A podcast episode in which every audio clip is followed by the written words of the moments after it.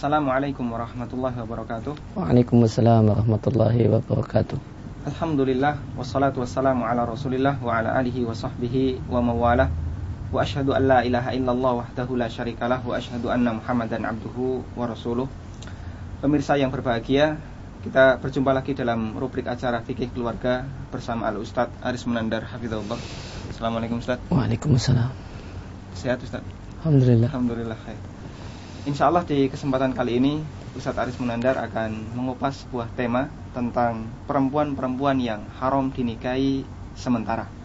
Untuk menyingkat waktu, kami persilahkan kepada Ustadz Aris menyampaikan materi. Alhamdulillah wahdah wa salatu wassalamu ala man la nabiyya ba'dah wa ala alihi wa sahbihi ila yumil qiyamah wa ba'du. Pemirsa yang berbahagia, berkaitan dengan perempuan yang haram untuk dinikahi, maka ada dua jenis perempuan. Yang pertama adalah perempuan yang haram dinikahi selamanya. Yang ini telah kita bahas dalam pertemuan yang lewat. Yang mereka ini boleh jadi dilarang dinikahi karena faktor nasab, keturunan, dan kelahiran. Atau karena faktor persusuan atau karena faktor hubungan perkawinan. Dan di samping adanya perempuan-perempuan yang haram dinikahi selamanya, yang ini disebut juga dengan mahram, maka ada juga perempuan-perempuan yang haram dinikahi sementara waktu. Maka selama faktornya ada, maka dia haram dinikahi, namun jika uh, kondisinya berubah, maka boleh menikahinya. Yang pertama di, di antara perempuan yang haram dinikahi sementara waktu adalah istri orang. Eh, maka selama dia masih menjadi istri orang lain, ya tentu tidak boleh dinikahi oleh seorang laki-laki. Karena Islam tidak mengenal poliandri. Eh, poliandri adalah satu kerusakan dalam pandangan Islam. Oleh karena itu maka istri orang lain itu haram dinikahi sementara waktu sampai dia benar-benar menjanda. Sebagaimana firman Allah Subhanahu wa taala di surat An-Nisa ayat yang ke-24 Allah sampaikan wal muhsanatu minan nisa ilama malakat aimanukum. Dan muhsanatu minan nisa demikian juga diharamkan untuk kalian eh, perempuan-perempuan yang bersuami. Muhsanat di sini maknanya adalah perempuan-perempuan yang bersuami. Dan adanya adanya pernikahan e, menikahi perempuan yang sudah bersuami itu ternyata adalah sebuah realita di masyarakat kita. Ada beberapa kasus di mana dijumpai terjadi perkawinan e, dengan seorang perempuan padahal perempuan tersebut masih punya suami.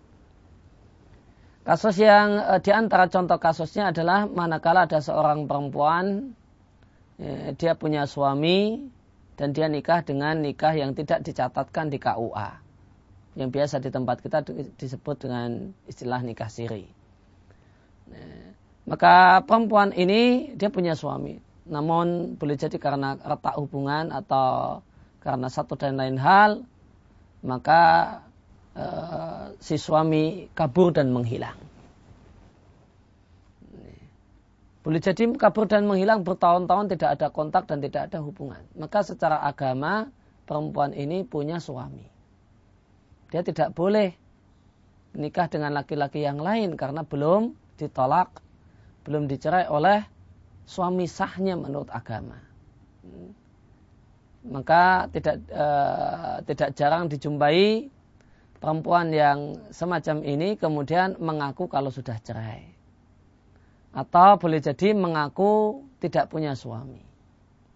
Akhirnya nikahlah dia dengan lelaki yang lain. Nah, padahal ternyata realitanya secara agama dia belum diceraikan oleh suami sahnya yang pertama. Maka di sini terjadi pernikahan yang tidak sah Eh, pernikahan yang tidak sah yaitu menikahi seorang perempuan yang masih bersuami. Dan syarat sahnya pernikahan perempuan yang dinikahi adalah perempuan yang memang halal untuk dinikahi dan bukan perempuan yang haram untuk dinikahi. Contoh kasus yang lain adalah uh, sebagian uh, sebagian kita jumpai di luar negeri orang Indonesia yang kerja di luar negeri ya, TKW misalnya dia uh, berangkat tanpa suami uh, di luar negeri dan tentu layaknya sebagaimana normalnya manusia dia punya kebutuhan biologis. Padahal suami jauh. Maka banyak kasus kita jumpai perempuan ini kemudian menikah dengan eh, dengan seorang laki-laki dalam keadaan TKW tersebut masih punya suami di Indonesia. Maka di sini terjadi pernikahan yang tidak sah, menikahi e, perempuan yang masih memiliki suami. Kemudian e, contoh yang lain yang kedua e, pernikahan yang pernikahan atau wanita yang haram untuk dinikahi sementara waktu adalah saudarinya istri atau bibinya istri. Maka ketika ketika saya misalnya punya istri dan istri saya punya adik perempuan atau kakak perempuan, maka adik perempuan istri saya haram saya nikahi, namun keharamannya bersifat sementara waktu. Ini selama istri saya masih berstatus sebagai istri saya. Artinya jika terjadi perpisahan, boleh jadi karena kematian, boleh jadi karena perceraian, maka secara agama boleh saya menikah dengan adik dari istri saya. Namun yang terlarang adalah saya melakukan poligami, menikahi dua perempuan, ya, dua perempuan tersebut ternyata adalah bersaudara, kakak beradik. Demikian juga bibi dari istri saya maka e, Nabi Shallallahu Alaihi Wasallam mengharamkan seorang laki-laki berpoligami dengan e, menikahi seorang perempuan dengan bibinya. Maka pernikahan yang kedua adalah pernikahan yang tidak sah. E, karena itu adalah pernikahan yang terlarang. Dan larangan terlarangnya menikahi adik istri atau bibi istri ini bersifat sementara. Nah, artinya jika kondisinya berubah, maka status hukum mereka berubah. Dan patut diketahui yang disebut dengan mahram, syaratnya adalah eh, dia tidak eh, haram dinikahi selamanya. Maka eh, kalau cuma haram dinikahi sementara waktu itu tidak disebut mahram. Maka istilah sebagian orang yang menyebut adik istri sebagai mahram sementara satu istilah yang tidak benar. Apakah kemudian nanti istri orang juga istri tetangga kita sebut mahram sementara karena haram uh, uh, dinikahi sementara waktu? Maka kaedah yang di, dianut oleh sebagian orang kalau perempuan itu haram dinikahi sementara waktu maka boleh disebut dengan nik, uh, mahram sementara. Ini kaidah yang uh, yang tidak pas. Ya. Karena banyak perempuan yang haram dinikahi sementara waktu dan dia bukan mahram. Hmm, dan jelas bukan mahram semacam istri tetangga uh, dan yang lainnya yang nanti akan kita bahas uh, di sini dan di edisi yang akan datang. Hmm. Maka yang kedua adalah uh, saudari istri atau bibi istri maka menikahi uh, mempoligami seorang perempuan dengan adiknya atau dengan uh, kakak perempuannya atau dengan bibinya adalah satu hal yang terlarang. Dan larangannya, larangan pernikahan ini bersifat sementara. Pemirsa yang berbahagia, yang lainnya, yang ketiga, pernikahan yang terlarang atau perempuan yang haram dinikahi sementara waktu adalah perempuan yang masih dalam masa iddah. Perempuan yang sudah bercerai, dia sudah bercerai dengan suaminya. Namun masa iddah belum berakhir, ini terlarang untuk dinikahi. Bersabarlah. Jangan tergesa-gesa, wah ini kan sudah cerai, sudah menjanda. Maka segera saya nikahi. Bersabar, tunggu sampai masa idah selesai. Boleh jadi uh, masa idahnya jika dia dicerai dalam keadaan uh, hamil maka sampai melahirkan. jika dia karena ditinggal mati maka 4 bulan 10 hari. Jika dalam kondisi normal maka tiga kali haid. Baru setelah itu boleh dinikahi. sabar jangan tergesa-gesa. untuk orang yang minat menikahi seorang yang uh, sudah menjanda ya, karena punya prinsip uh, kutunggu jandamu. Nah, maka ketika sudah menjanda, sudah dicerai, ah, kemudian langsung bisa dinikahi. Ini satu hal yang tidak benar. Bahkan terdapat aturan main dalam uh, dalam Islam berkaitan dengan melamar orang yang seorang perempuan yang dalam kondisi menjanda. Ketika ada seorang perempuan yang yang dalam kondisi menjanda dan dia dicerai dengan cerai tiga, maka hanya diperbolehkan melamar dengan lamaran sindiran. Tidak boleh e, melamarnya dengan lamaran belak-belakan. Maka bolehnya sindiran-sindiran dengan kalimat-kalimat yang menunjukkan kalau dia ingin menikahi perempuan tersebut. Semisal mengatakan, eh, kayaknya tidak ada lah laki-laki yang tidak mau menjadi suamimu. Nah. Maka kata-kata semacam ini adalah sindiran. Nah ini boleh eh, untuk eh, perempuan yang sudah dicerai dengan cerai tiga. Cerai yang ketiga. Namun tidak boleh terus terang. Terus terang dengan mengatakan saya ingin menikahimu. Nah, maukah engkau menjadi istriku? Aku lamar dirimu atau eh, kalimat-kalimat yang jelas maknanya adalah terus terang mau menikahi seorang perempuan.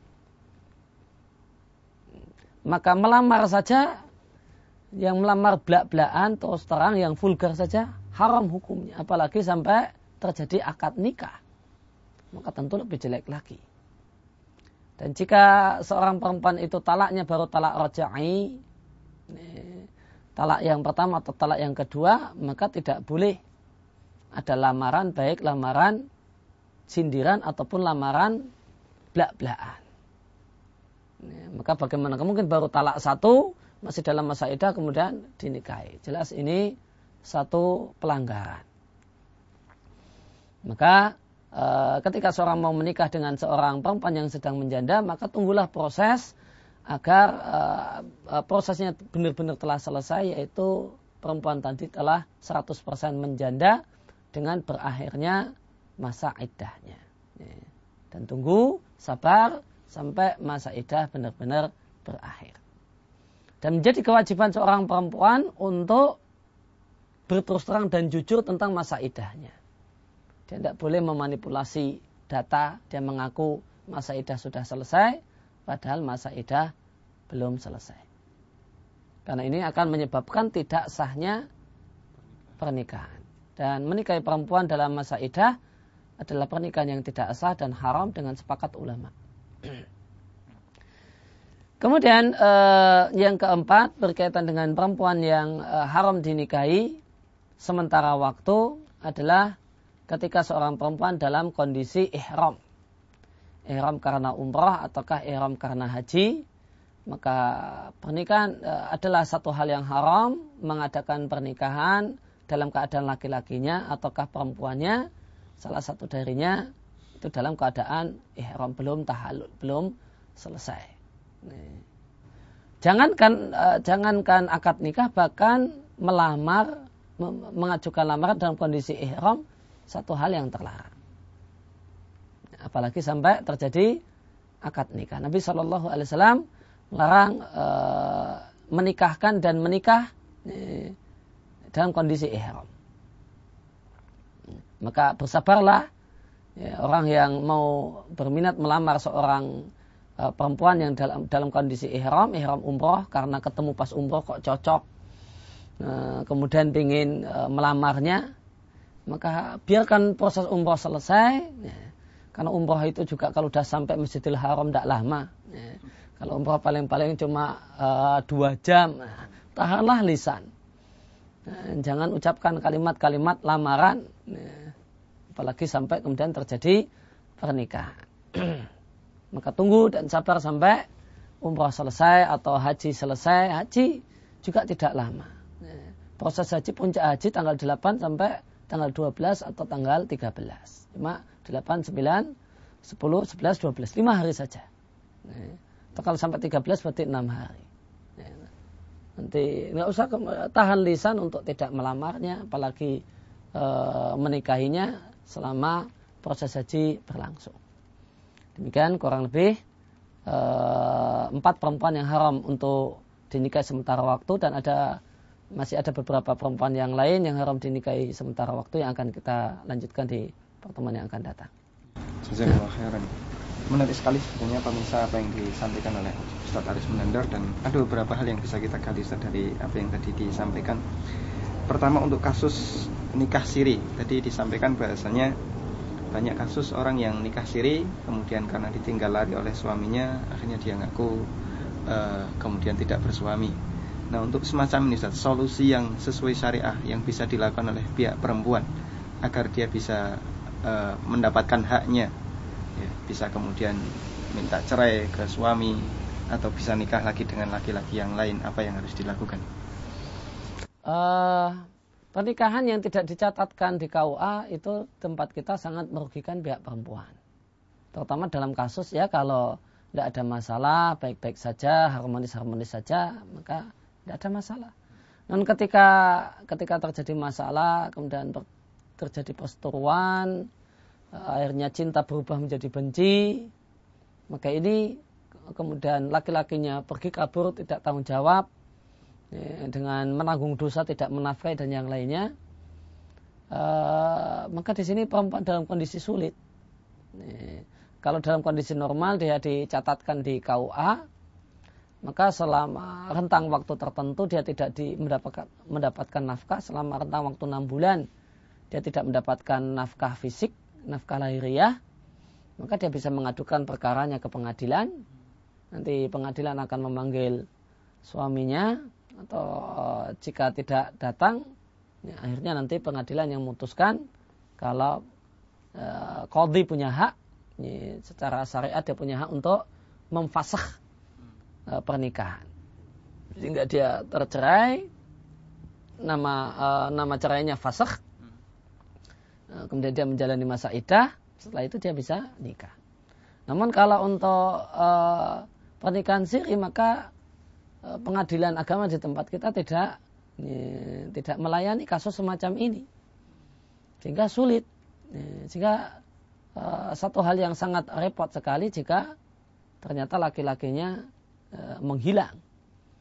Jadi solusi satu-satunya harus mencari. Hmm mencari laki-laki tersebut, kemudian negosiasi, tolong ceraikan saya dengan lisanmu. Nah, karena nikahnya nikah siri. Tolong ceraikan saya dengan lisanmu, dengan SMS-mu atau dengan emailmu. Nah, saya siap bayar. Nah, saya siap bayar, saya siap pulangkan mahar atau bahkan boleh jadi saya siap membayar untuk mendapatkan kata-kata cerai. Ya, maka uh, hulu yaitu ya, permintaan cerai dengan siap untuk membayar. Untuk ya. kondisi diri harus secara institusi, tidak bisa secara pribadi. Misalnya dia datang ke kepala KUA mana begitu, kemudian minta. Tidak bisa. Kepala KUA secara uh, status dia sebagai kepala dia tidak punya hak. Tidak punya hak. Untuk ya, dan secara aturan dalam hmm. syariat harus kodi. Hmm. Ya, kepala KUA bukan kodi. Ya. Nah. ya. Kemudian uh, terkait tadi Ustaz, uh, saudari istri atau bibi istri termasuk salah satu di antara perempuan yang haram dinikahi dan satu catatan penting ini bukan termasuk mahram ya.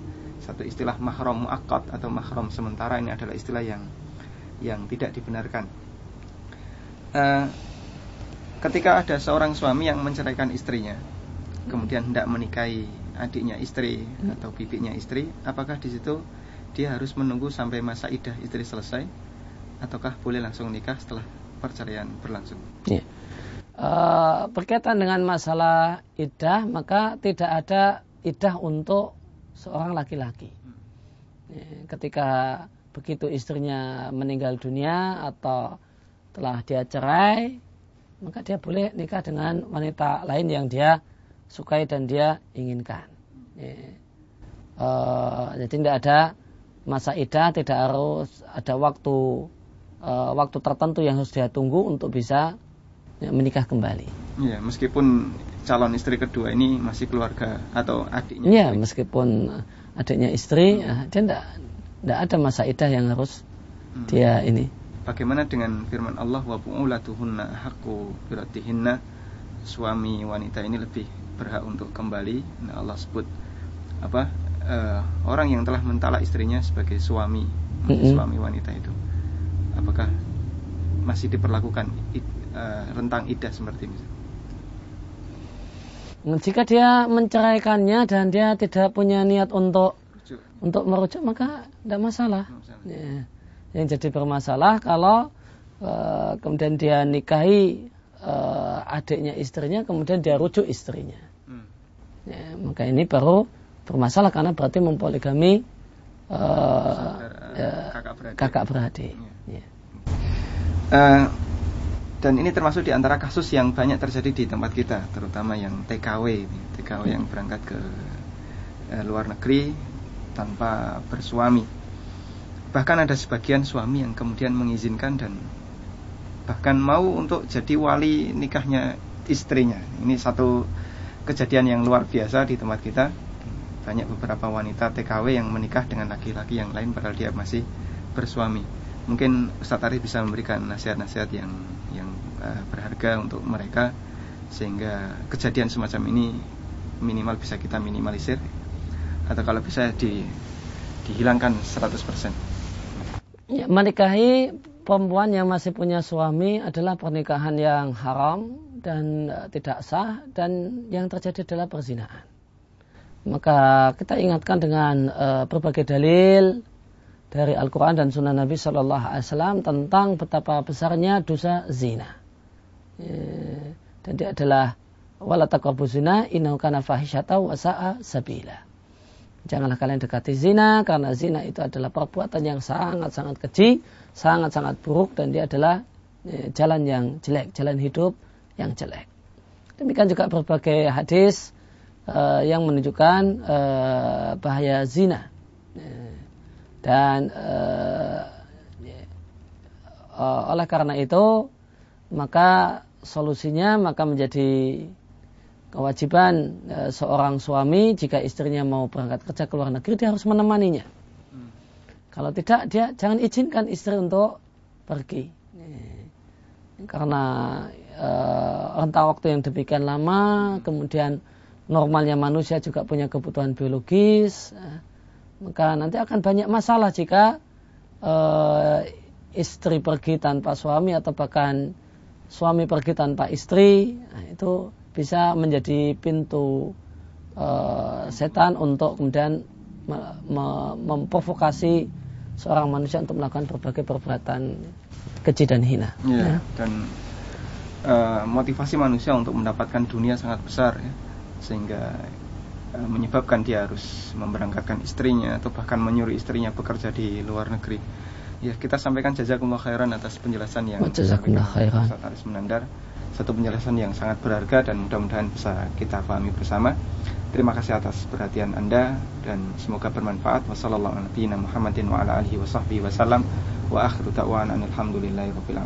Wassalamualaikum warahmatullahi wabarakatuh.